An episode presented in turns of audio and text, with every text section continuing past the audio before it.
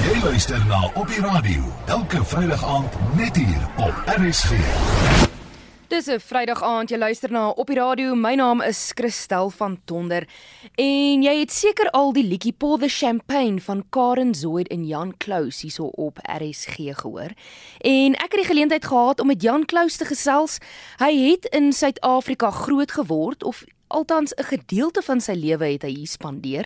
Hy het ook in Kenja gebly, in Amerika, in Duitsland. Op die oomblik is hy in New York en hy vertel ons bietjie meer oor sy geskiedenis in Suid-Afrika. Sure, I spent um, some time in grade school in uh, South Africa, in Johannesburg. I attended the um, the Deutsche Schule in Johannesburg, which is now uh, an international school. Uh, my dad worked for a German company, so he was he was traveling quite a bit, and uh, my brother, my little brother, and I were, you know, tagged along. So we spent some time in Johannesburg as as children.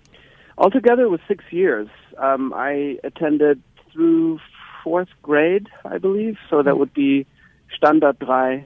It's called. It, it was called then.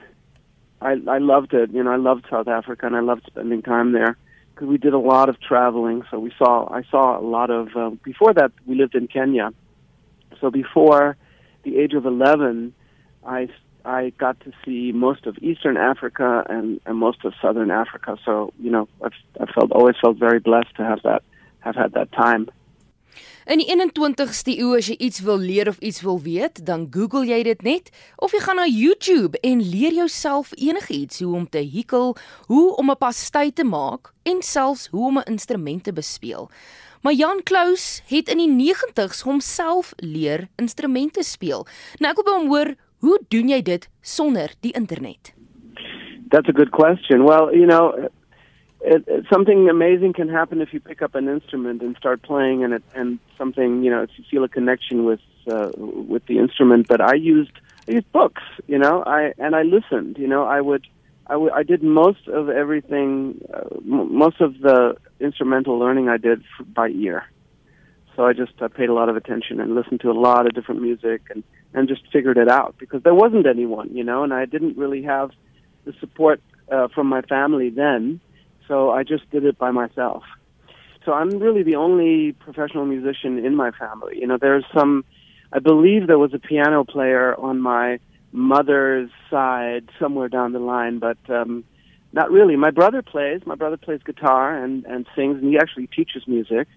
Uh, but it's just the two of us really that have turned it into a profession. Jann Klose splinter nuwe enkelsnit is saam met die Suid-Afrikaanse rocker Karen Zoid en hy woon in New York, Karen woon in Kaapstad. So, hoe het hierdie twee ontmoet en toe die geleentheid gekry om saam musiek te skryf? So, we were basically thrown into a room together at a writers camp for that BMI organized, you know, my the London office of uh, BMI Broadcast Music Incorporated that organized this uh, writing camp and uh, we just got thrown into a room together, and and uh, you know we were told go write a song, and so that's what we do. And uh, you know we we hit it off, we connected right away, and she was looking forward to writing with me, and I with her.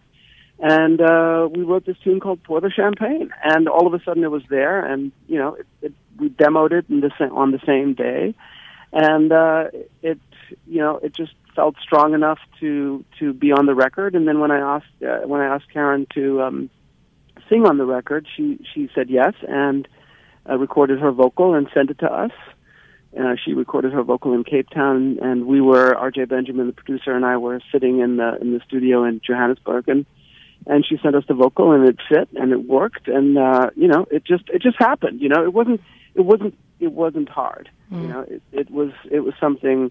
You know, and Karen's great. You know, so she's she's a she's a pro and um, I loved working with her, and you know, I worked with a lot of different people, and so it was really nice to connect with someone that is um, so steeped into the into into the South African music scene as well. I'd never heard of her; she'd never heard of me.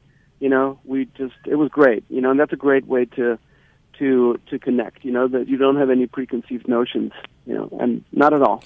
Aanlyn kope van musiek is besig om spoed op te tel veral in die buiteland maar ook hier in Suid-Afrika en Jan Klous het op sy Facebookblad gesê dat Pour the Champagne oor die 10500 keer op Spotify afgelaai is.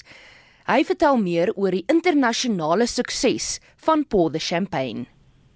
Sure, yeah, my, my main market is in in the US, uh, you know, uh, New York and and I live in New York, but my main market is in the U.S. So, um, and Spotify is very big here. You know, it's it, how most people consume music now. And uh, I have a good team here, and uh, yeah, it's it's getting it's getting a lot of streams. It's on hundreds of playlists already, and uh, it's uh, it's doing well. You know, so we're happy. Just uh, you know, look me up, Jann Klose, J A N N K L O S E, and uh, you'll find it. If you if you look for uh, for the Champagne Karen Zoid, you'll find me too.